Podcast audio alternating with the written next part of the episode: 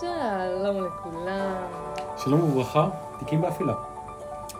זה הפודקאסט שלנו, יחד איתנו אנחנו קוראים תמיד צוות. כאן נתנאל ומי אני? אריאל, סמריק. או בסדר הנכון של הדברים, אריאל. היי, אין סדר נכון. שנינו כאן צמד, אנחנו ביחד. אבל יש לי מושג, יש מישהו שאומרים קודם, שנים, זה עובד. שנים? רק 16 שנים. נכון. אריאל. ונתנאל. סנדל. פודקאסט תיקים באפלה, מה החוקים אריאל? תיקים? זה מאוד... פה פורמט קשוח. וואו, מטורף. אמ, פודקאסט תיקים באפלה, פודקאסט פשע אמיתי, וכל שבוע אחד מאיתנו מביא נושא שמעניין אותו, חוקר עליו במשך השבוע, ומביא אותו לכאן, מביא שהבן אדם השני שומע אותו יחד איתכם בפעם הראשונה. והיום אנחנו בפרק מאוד יוצא דופן, נכון? זה כבר מיני סדרה בתוך סדרת הפודקאסטים.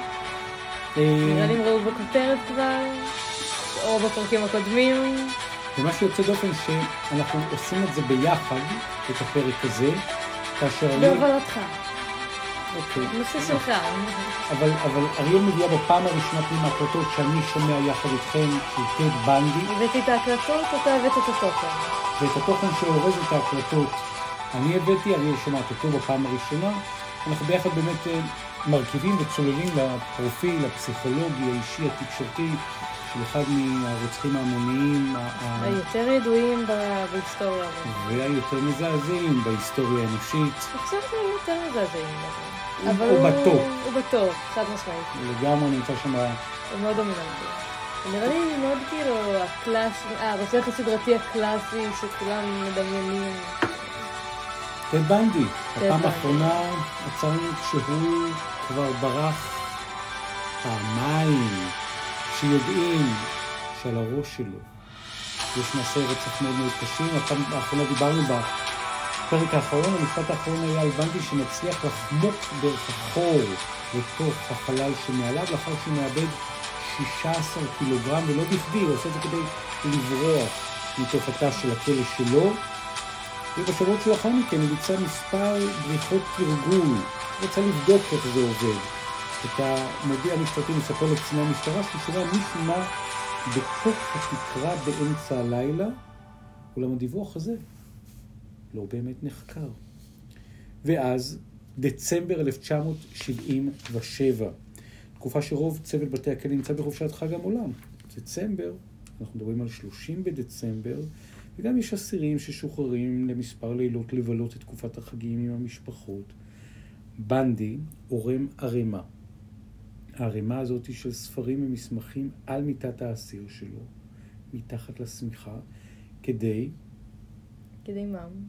רעיון למה הוא שם את זה מתחת כמו לשמיכה? שילדים קטנים מציגים שהם עדיין ישנים, בדיוק. עושים כריות. בדיוק, אז הוא. שם כריות וספרים וכולי כדי לתת תחושה שהגוף שלו ישן. ואז הוא פשוט נמלט דרך החור בתקרה, פורץ את התקרה לתוך הדירה של השומר הראשי.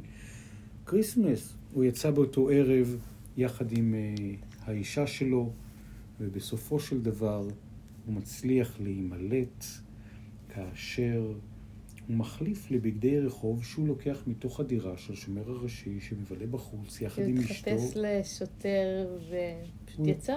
הוא לא יודע למה הוא התחפש, הוא התחפש לאזרח יותר, אבל הוא לקח את זה מתוך המדים של ה... מתוך הארון של השומר, ואז הוא יוצא החוצה דרך הביוב, לא. דרך חור המנעול, לא. דרך הערובה, ניחוש, דרך הדלת והולך? הוא יוצא דרך הדלת הראשית. וואי וואי. עצם חוסר ה... פשוט וואו. ככה. הוא גונב רכב ונוסע מזרחה. הרכב מתקלקל. ולא עוצרים אותו. שום דבר. לוקח הרבה מאוד זמן, הוא מתקלקל בערים, אבל בנדי, בגלל המזל הרע של הרכב, נתקע באמצע הלילה בעיצומה של של מה? סופת שלגים. וואו. קר, דצמבר. אבל נהג חולף עם לב רחום, מבין שנתקע אדם, הוא פשוט מסיע אותו ברכב. שלו. ואז האיש מגיע לעיר, ועולה על אוטובוס, ועולה על טיסה, ונוחת בשיקגו, ובעצם צוות... בית- ולמרות כל ההבטחה של האוטובוסים, טיסות, שדה תעופה, לא עוצרים אותו. כי לא ידעו שהוא בכלל נמלט. לא לא זיהו אותו? עד חדשות? הצהריים של 31 לדצמבר למחרת לא מבינים שטד בנדי את ה Christmas לא מבלה בין כותלי הכלא.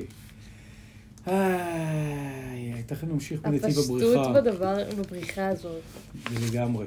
תכף אה, נתיב הבריחה, אבל עכשיו אנחנו אה, לוקחים עוד אה, טעימה מתוך הרעיון הזה, אה, רעיון המצמרר שאריאל הביאה, ואז אה, הוא נשאל מה הוא מרגיש אחרי הרצח הראשון. הרעיון הזה לקוח אריאל מאיזה שלב בחיים, זה כבר תקופה מאוחרת. שעות לפני ההוצאה להורג. טד בנדי מרואיין על ידי אה, מראיין שהוא סוג של מין כומר וידוי שכזה, ככה זה נשמע. Ted, after you committed your first murder, what was the emotional effect on you?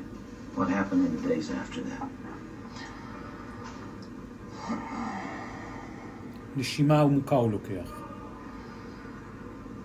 Well, again, this, please understand that, that even all these years later, it's very difficult to, to talk about it, and, and, and reliving it through talking about it uh, is, is uh, difficult to say the least. But I want you to understand what happened. It was like coming out of some kind of horrible trance or, or dream. Um, I can only liken it to after, you know, I, I don't want to over dramatize it, but to have been possessed by something so awful and so alien, and then the next morning wake up from it. אז ההסבר אריאל בעצם מין חוויה... כאילו נכנס במשהו, להתעורר יום אחרי זה מ... מין איזושהי חוויה כאילו שזה לא היה הוא בתוך הגוף שלו, משהו שנכנס בו. תראה, זה כאילו מאוד... יציאה מטראנס, מחלום. ועדיין מאוד קשה לו להיזכר, אחרי כל השנים שעברו, הרבה אמפתיה, הרבה משחק, הוא מאוד מאוד עובד על המימיקה. אתם תוכלו לראות את זה במועד המתאים, את הסרט הזה גם בתוך אה, אה, המדיה הדיגיטלית יוטיוב. אבל חשוב שתבינו, שפת הגוף של טד בנדי בריאיון הזה היא ממש של אדם שהוא, איך נגיד את זה בעדינות, מייצר אמפתיה. אתה לא, אתה כאילו... אפשר להתחבר למה שהוא מרגיש. זה לא הוא רצח, זה משהו נכנס בו, זה בדיוק התרגום. ככה ממשיך הרעיון. Remember what happened and realize that basically, I mean, in, in the eyes of the law, certainly in the eyes of God, you're responsible. to, have, to wake up in the morning and, and realize את אלוהים, את ה... משווה גם את המשטרה לאלוהים. Essential moral and ethical feelings intact at that moment. Uh, uh, absolutely horrified that I was capable of doing something like that. What? הוא בעצמו נבהל מהדמות שנכנסה בו, והוא היה מזועזע. אבל העובדה שהוא עשה את זה כל כך הרבה פעמים, ובזמן מאוד קצר.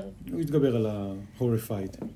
שאותו דיבוק נכנס בו שוב, שוב ושוב. ומה שמעניין שהוא הוא, הוא בא ואומר, הייתי מפוחד מהדבר הזה שקרה. הוא מרחיק את עצמו תודעתית מהסיטואציה. זה לא אני התנהגתי כמו רוצח סדרתי איום ונורא. אני לא הרוצח.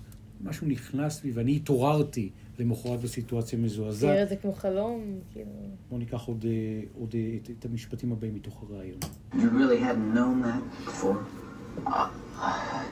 There is just absolutely no way to describe.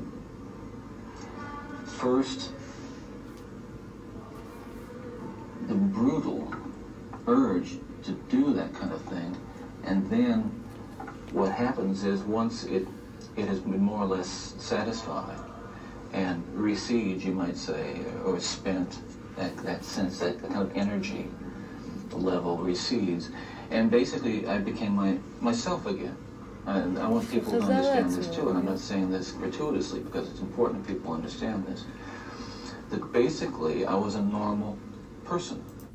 וזו נקודה שתכף נרחיב בה בהמשך, בחלק הבא, שהוא באמת מדבר על זה שהוא, האני האמיתי שלו הוא נורמלי, אבל כל פעם יש משהו כזה שנכנס בו ומוביל לו, משתלט עליו. זה טד בנדי, זה ההסבר שלו.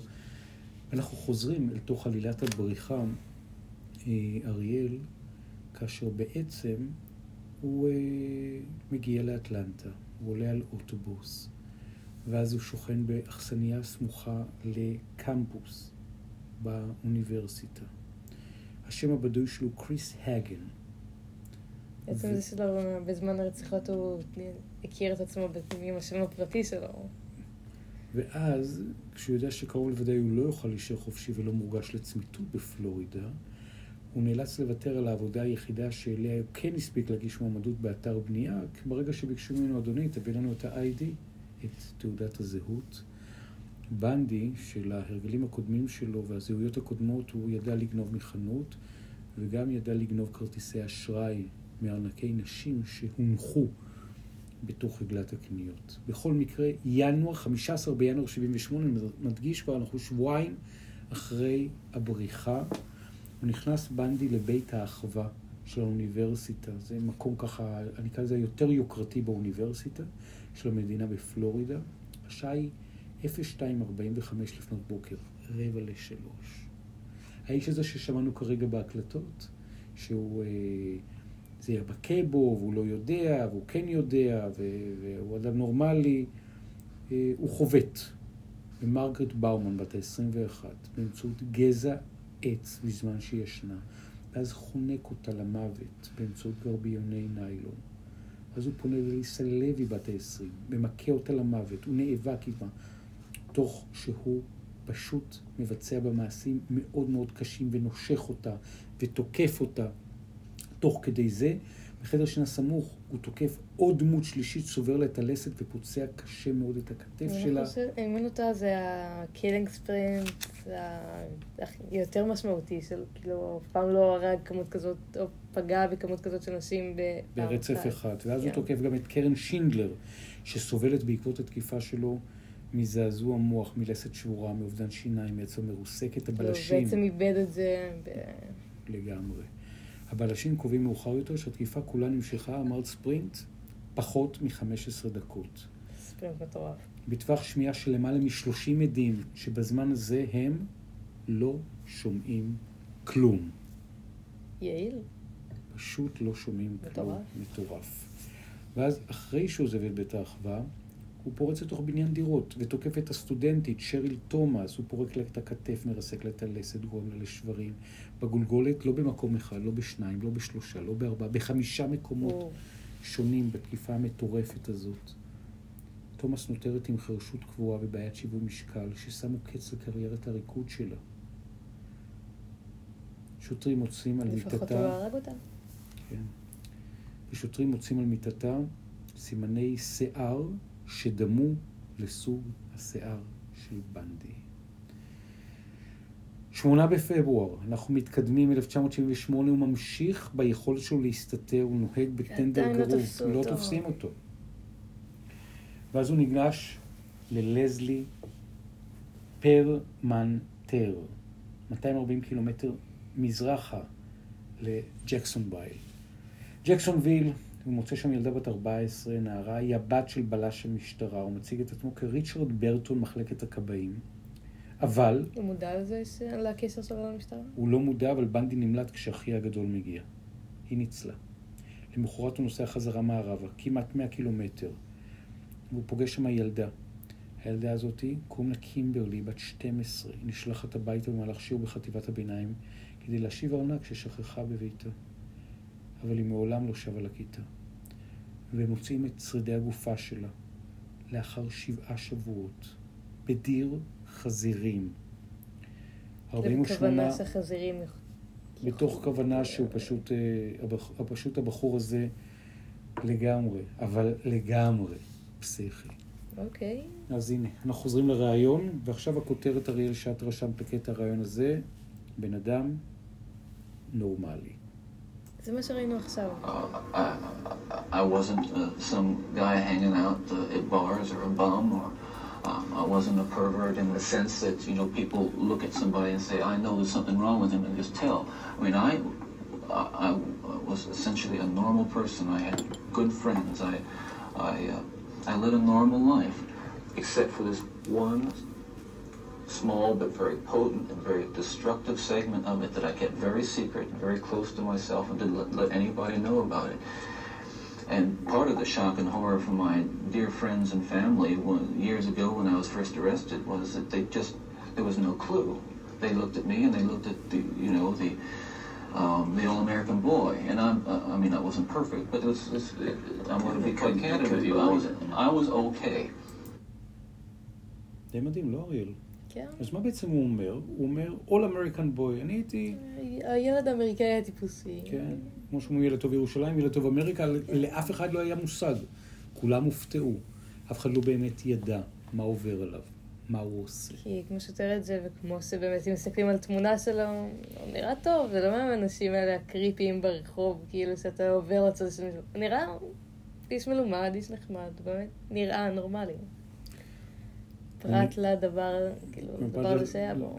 פרט לסטייה הקטנה והעוצמתית שהוא נכנע לה פעם ופעם ועוד פעם ועוד פשוט יותר פעם. בסרטון שהוא שמר אותה לעצמו. הוא- לא, אבל הוא לא סיפר לה, לא סיפר את זה בגלוי.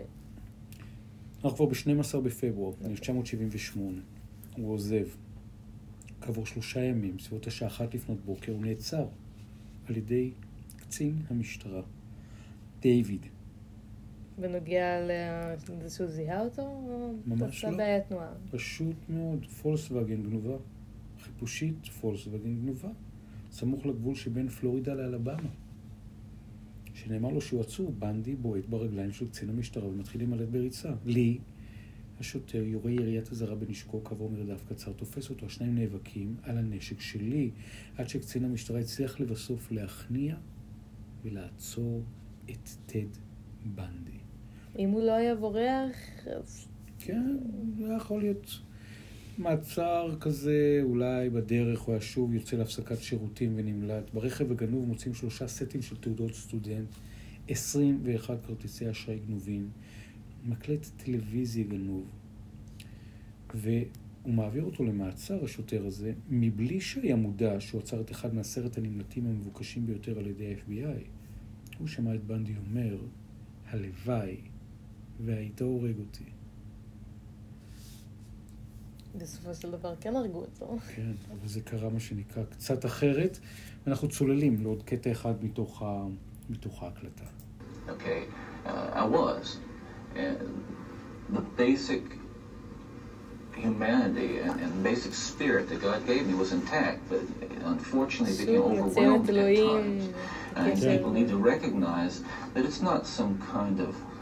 the, the, the, those of us who are who have been so much influenced by violence in the media, in particular pornographic violence, are not some kinds of inherent monsters. We are your sons and we are your husbands.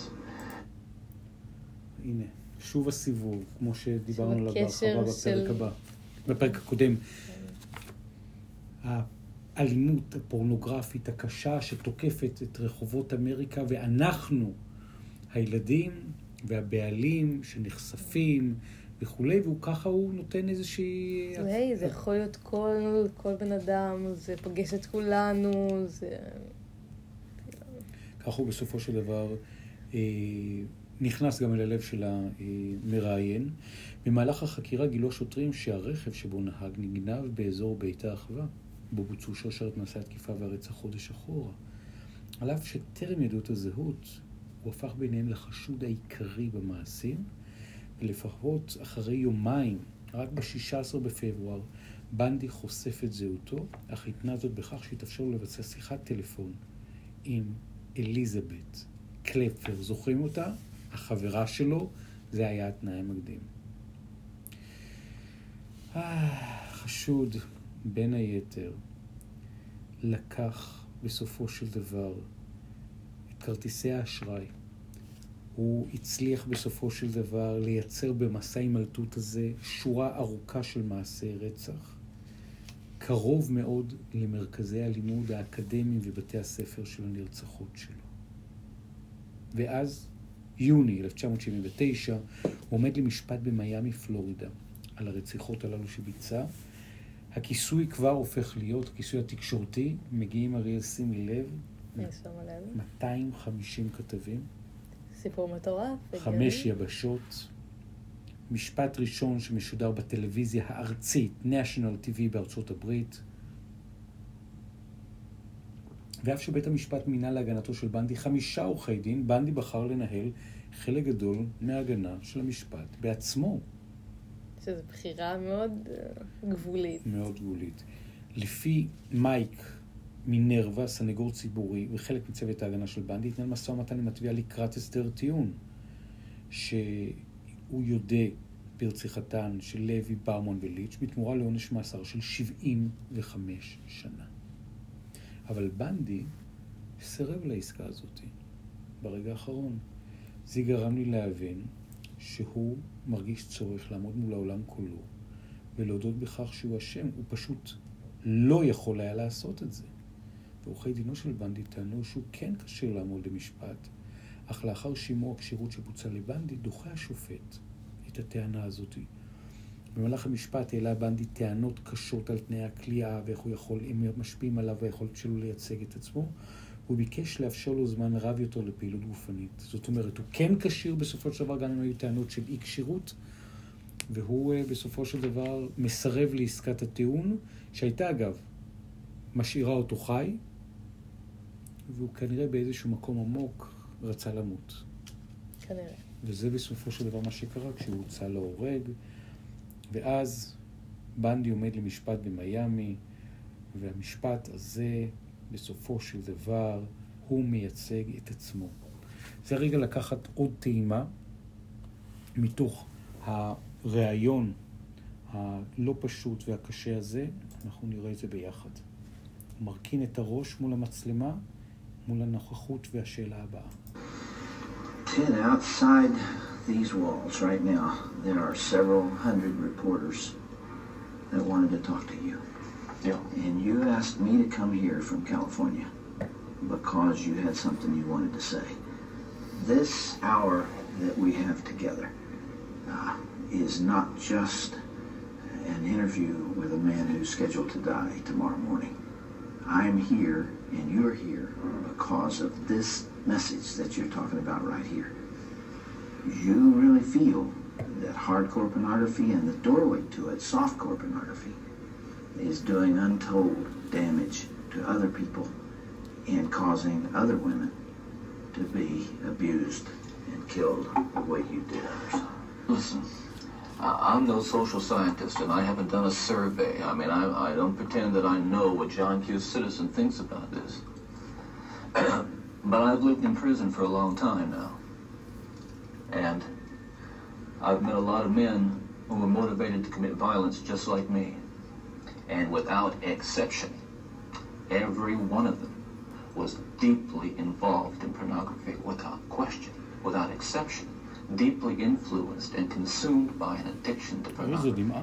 There's no question about it. The FBI's own study on serial homicide shows that the חוזר, most אני- common interest among serial killers is pornography. חוזר כמו מנטרה, פורנוגרפיה, זה חלק מהמאיץ, כאשר הוא בעצם נשאל, למה הוא הזמין את- אותו מראיין? כן, את אה, אותו אה, אה, ג'יימס, שהוא באמת המראיין שהוא בחר שהוא יהיה היחיד מבין מאות העיתונאים שצובעים כרגע מחוץ לתא של הכלא. בנדי מתלונן על התאורה כשהוא מגן על עצמו, שמקשה עליו לקרוא. ואז השופט מעביר אותו לחדר הישיבות. במהלך המשפט בנדי מתעמת בפומבי מספר פעמים עם עורכי דינו בטענה שהם בסופו של דבר לא מבינים אותו. ויש שורה של אה, ראיות משמעותיות שהם אה, רואים בתוך המקום הזה, והראיות הללו הם בסופו של דבר ראיות שגורמות להרשעה במשפט. סימני הנשיכה שמחברים אותו לשיניים, רפואת השיניים, ולחבר המושבעים לוקח, את יודעת כמה שעות? כמה שעות? פחות משבע. זה לדון- הרבה או קצת. זה מעט, ממש מעט, כדי לדון ולהחליט על הרשעתו ב-24 ביולי 1979. בנדי מורשע בשני אישומי רצח, בשלושה אישומים של ניסיון רצח, בשני אישומים של פריצה, והשופט מטיל על בנדי שני עונשי מוות, שניים בגין ההרשעות ברצח. בהקראת גזר דינו של בנדי אמר השופט, בחור חכם ומוכשר, והייתי שמח לראות אותך עובד מולי, אך בחרת בדרך אחרת. כי הוא באמת איש גאון. כן, לא יודע אם גאון, אבל חכם. חכם, לגמרי חכם, רהוט, והנה המשך התשובה של טד בנדי בריאיון הזה מה-23 בינואר 89, רגע לפני שהוא מוצא להורג. That's true. And it's and it's real. It's true. Ted, what would your life have been like without that influence?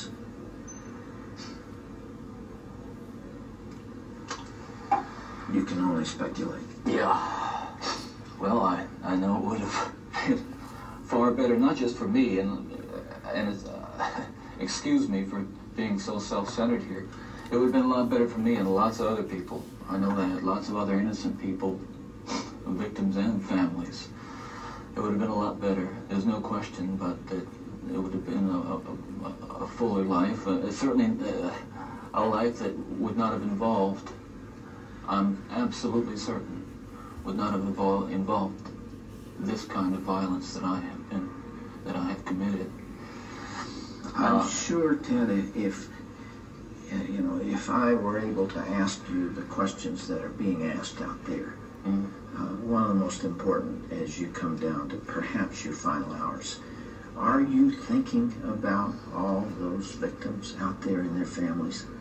Well, תכף ניגע בשאלה הזאתי, אבל מה הוא אמר קודם אריאל בעצם? מה המסר העיקרי שלו? אמ, למה, כאילו, אה, הוא שאל אותו איך החיים שלו היו נראים ללא ההשפעה של פורנו. אמ, זה מצחיק, הוא באמת, אמ, שומעים את עד מגחך שם, כאילו, כי אפשר רק לשער. כן. כמה שזה היה, איך החיים שלו ואיך החיים של הקורבנות והמשפחות והמשפחה שלו וכל האנשים שאת החיים שלהם הוא הרס בתוך התהליך הזה. ואז עולה השאלה הנוספת שהוא שואל אותו המראיין, שהיא השאלה, מה יש לו לומר בעצם? איזשהו ביטוי של צער, איזשהו ביטוי של לקיחת אחריות מול הקורבנות, מול המשפחות, אנחנו תכף נשמע את התשובה. אמ, אבל מרגע שהוא הורשע במשפט הרצח, הוא התחיל, מתחיל להתוודות, כמו שהוא מתוודה פה בריאיון האחרון המצולם. נראה לי מאוד בכוונה לגרור אותם. ש... הוא התחיל להתוודות, הוא התוודה גם בפני הסוכן המיוחד, וויליאם. יש לי כמה קלפים אצלי, אתם בטח רוצים לסגור עוד תיקים, אתם צריכים אותי בשביל זה. בדיוק. אז הוא מתחיל אה, להתוודות בפני הסוכן המיוחד מיחידת מדעי ההתנהגות של ה-FBI. הגמאייר התרשם מהסיפוק העמוק, הכמעט מיסטי, שבנדי שב מהרציחות. הוא אמר שלאחר זמן מה, רצח חדל להיות פשע של תאווה או אלימות בלבד, הופך לעניין של בעלות. הופך להיות הבעלים של הקורבנות. הקורבנות הופכים להיות חלק ממנו, ואתם הופכים לנצח לאחד. והאדמה, כך מעיד בנדי, מצוטט על ידי חוקר מדעי ההתנהגות של ה-FBI, והאדמה עליה הרגת אותן או הותרת אותן, הופכת לקדושה עבורו, ותמיד נמשך לחזור אליה חזרה. הוא החשיב את עצמו כרוצח חובבני ואימפולסיבי בשנותיו הראשונות, לפני שעבר לתקופה אותה הוא כינה תקופת הטרף. טד בעצמו כינה את התקופה? כן. בערך שלינדה היילי נרצחה ב-74. אמירה זו הצביעה על כך שבנדי החל להרוג זמן רב לפני 74, אפילו שהוא אף פעם לא הודה בכך במפורש. בדיוק בגלל זה הם צריכים אותו כדי לסגור תיקים קודמים. בדיוק. שנת 84, מה מוצאים? מוחבא? בתא של בנדי, מה מוצאים? שני להבים של מסור. וואו. סורג פלדה באחד החלונות של התא נוסר לגמרי והוחזק רק בתחתית והודבק חזרה בדבק מאולתר על בסיס סבון, רק כדי שהוא לא יזוז. מספר חודשים לאחר מכן בנדי עבר שוב מתאו לאחר שסוהרים מצאו בו מראה. זאת אומרת, יצר ההישרדות של האיש הזה הוא באמת מאוד קיצוני. ובאוקטובר 84 בנדי שעד אז כבר השיב את עצמו כמומחה לגבי רוצחים סדרתיים, הוא יצר קשר עם רוברט קפפל והציע לחלוק את מומחיותו האישית במצוד המתמשך אחרי יורשו בוושינגטון, רוצח הנהר הירוק, שגם הוא שווה פרק בפני עצמו, אבל בואו נשמע את התשובה לראיון הזה. who are so wounded, you know, years later, their lives have not returned to normal. They will never return to normal. Absolutely. Are, are you carrying that load, that weight? Is the remorse there? Again, I, I know that people will accuse me of being self-serving, but we're beyond that now. I mean, I'm just telling you how I feel. But through God's help, I have been able to come to the point where I've much too late, but ne- better late than never, feel the hurt and the pain that I am responsible for. Yes, absolutely. In the past few days, myself and a number of investigators have been talking about unsolved cases, uh, murders that I was involved in. And it's hard to it's hard to talk about all these years later because it revives in me all those terrible feelings was involved in. זאת אומרת, מעשי רצח נוראים שהייתי אני- מעורב בהם, בתוכהם. זאת אומרת, לא אני הרוצח, המנוול שמעולם לא הודה, מעולם לא הסגיר וכולי וכולי. גם פה הדיבור הזה הוא כל כך רך ומעורפל, שמסיט את תמונת המציאות מהאופן שבו בסופו נורא של דבר היא מרכך הייתה. את ה- את המציאות, נורא מעדן אותה. בכל מקרה, על אף שהוא התחיל להתוודות ושוב להתוודות, הוא עדיין, בסופו של דבר, מתאר את הסיפור הבא. הוא מתאר שלעיתים הוא אה, קיים יחסי מין עם הקורבנות, וחזר לגופות המרכיבות שלהם, אה, ורק הריח של הריקבון כפה עליו להפסיק. והוא היה לפעמים נשאר שם לילות. הוא איפר את הפנים חסרות החיים של מליסה סמית, חפף את השיער של לורה איין. אם יש לך זמן, הן יכולות לדבר איתך על כל דבר שהן רוצות, הוא אמר לחוקר ה-FBI. הוא כרת ראשים, הוא שמע ראשים, ואחר כך חלק מאותם ארבעת הראשים מצאו אותם בדירה, במקום שהוא הסתיר אותם מפני חוקרי לי- המשטרה. מי ששמע את הפרק הראשון, כש- כשהוא היה צעיר, היה לו קשה חברתית, אז הוא אולי מצא את עצמו מסתדר עם בעצם גופות, כי יכל בדמיון שלו לתת להם לשמוע מה שהוא רוצה לשמוע. עם החבטות ועם החניקות ועם המכות, ניקח עוד טעימה אחת אחרונה מתוך הריאיון הזה שאת הבאת אלינו, אריאל. and those thoughts that I have steadfastly and, and, and, and diligently dealt with, and I think successfully, with the love of God. And yet it's reopened that, and I felt the pain, and I felt the horror again of all that. And I can only hope that those who I've harmed, those who I've caused so much grief, even if they don't believe my expression of sorrow and remorse, will believe what I'm saying now that there is loose in their towns and their communities people like me today whose dangerous impulses are being fueled day in and day out by violence in the media in its various forms, particularly sexualized violence. And what scares me, and let's come into the present now, because what I'm talking about happened 30, 20, 30 years ago, that is, in my formative stages. And what scares and appalls me, Dr. Dobson, is when I see what's on cable TV, some of the movies, I mean, some of the violence in the movies uh, that come into homes today with stuff that they that they wouldn't show in X-rated adult theaters 30 years ago. This stuff, The slasher movies that you're talking about. that stuff is, I'm telling you from personal experience, the most that is graphic violence on screen, particularly as it gets into the home to children who may be unattended or or unaware that they may be a Ted Bundy who has that, that vulnerability to that that predisposition to be influenced by that kind of behavior, by that kind of, of, of uh, movie, that, that kind of violence. מדהים. מטורף. מה שמדהים ומטורף, זה באמת, אריאל, זה שהוא בעצם, מה הוא אומר מתוך הטירוף רגע לפני שהוא מת? תיזהרו, המסכים והתוכן במסכים האלים יגרמו לגל אלימות ולעוד טד בנדים נוספים, כמו שאני הושפעתי מהם. בעצם זה שעכשיו הוא מייחס לעצמו כדמות כביכול רעה או... והוא אומר, גם אם לא מאמינים להבעת הכאב ולצער שלי, לפחות לאמירה הזאתי. עכשיו, מה שמדהים הוא שאנחנו מקליטים את הפודקאסט שלנו, תיקים באפלה, והתובנה, מקליטים אותו ב-2022, תחילת השנה, והשיח העולמי עכשיו הוא בדיוק על הדברים האלה. על האלימות הקשה שיש דרך המסכים, על האלימות ברשתות החברתיות, על השיח המפלג, על ה... שבסופו של דבר הופך חברה לאלימה וכולי. וטד בנדי, בתוך תא נידונים למוות, ספק מניפולציה, ספק לא, מה שהוא אומר הוא כרגע בלב הקונצנזוס. זה נכון. השידורים האלימים שיש על המסכים... אולי זה לא יגיע למצב קיצון כזה, אבל... אבל אנחנו חיים בחברה אלימה. נכון. לקראת סיום, אריאל, תובנה אחת שלך.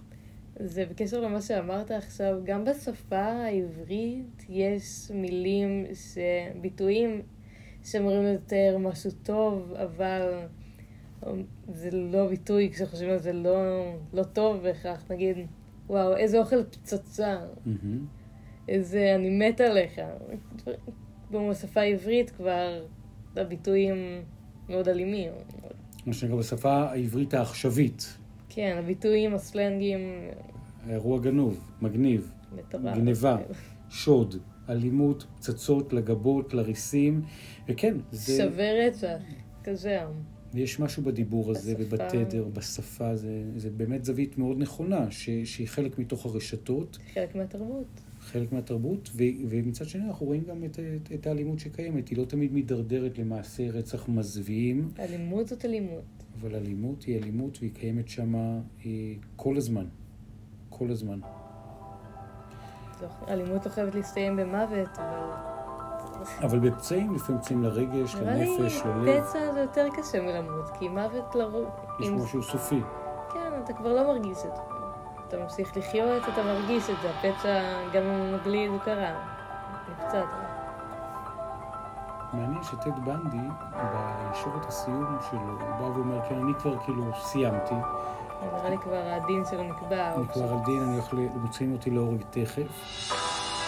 אבל הוא מניח איזשהו נאום נבואי, ש-20 שנים אחרי זה, בסופו של 89, 99, 2009, 2009, 32 שנים אחרי זה, זה השיח של האקטואליה. דיבור אלים, רשתות אלימות, תוכן אלים, פייסבוק על רקע זה כרגע אה, מתנדנד הכיסא שם של, של המנכ"ל, כל הרשתות מדברות, כל כך הרבה הרצאות להנמיך את הדיבור האלים, את נותן דוגמה מצוינת של שפה אלימה, כדי לא לגדל דורות של אנשים אלימים. לא ש... כל אחד מאיתנו שצורך את, את הדברים האלה לא אחראי בעצמו למזון. אבל כן, לפתוח עין ביקורתית, לשים לב לאיזה תכנים אנחנו, אנחנו מקבלים, מה אנחנו, איזה שפה אנחנו מדברים. ובמקום הזה, שאיך אנחנו מדברים, זה המקום שאנחנו בסופו של דבר באים ואומרים, לקחת אחריות, כמו שלוקחים אחריות על איזה מזון מכניסים פנימה, כלומר איזה מזון נכנס דרך המסך, איזה מזון רואים, איזה, סרט אנחנו בוחרים לראות, איזה תוכן אנחנו מכניסים פנימה אלינו, כי זה משפיע. וכשזה משפיע, ההתנהגות האלימה אין לדעת לאיזה תהום עשויה לגרבר. את החיים שלנו, של הקרובים שלנו ושל האויבים שלנו. לפתוח עין ביקורתית על הכל. לגמרי. הבנתי, אה? סיימת את הפרק השלישי? נכון. אני חושבת שכרגע נעשה הפסקה עם הסדרה. של טד בנדי. של טד בנדי. אבל נתחיל הסדרה של הפודקאסטים. אנחנו קיימנו את הסיטואציה בהמשך, אם נמצא עוד איזה קטע מפוצץ, איזה... עוד נחזור לזה. קיימת הסיטואציה שהסדרה של טד בנדי תישאר פתוחה. ומשבוע הבא נחזור לקונספט הרגיל של נושא חדש וכל שבוע. לגמרי. אז אה, אנחנו מודים לכם. הייתם יחד איתנו לשלושה פרקים מאוד מאוד, אה, ושהייתם איתנו בכל הפרקים האחרים. ברור, פרקים לא פשוטים. תוכן לא. פשוט. תיקים באפלה, יחד איתנו. אריאל סמריק, ונתנאל שמרי. תודה שאתם פה. ותודה שאתם פה, תודה שאתם איתנו, שאתם מגיבים, שאתם משתפים, שאתם חולקים. אנחנו גם מודים לכם. תיקים באפלה.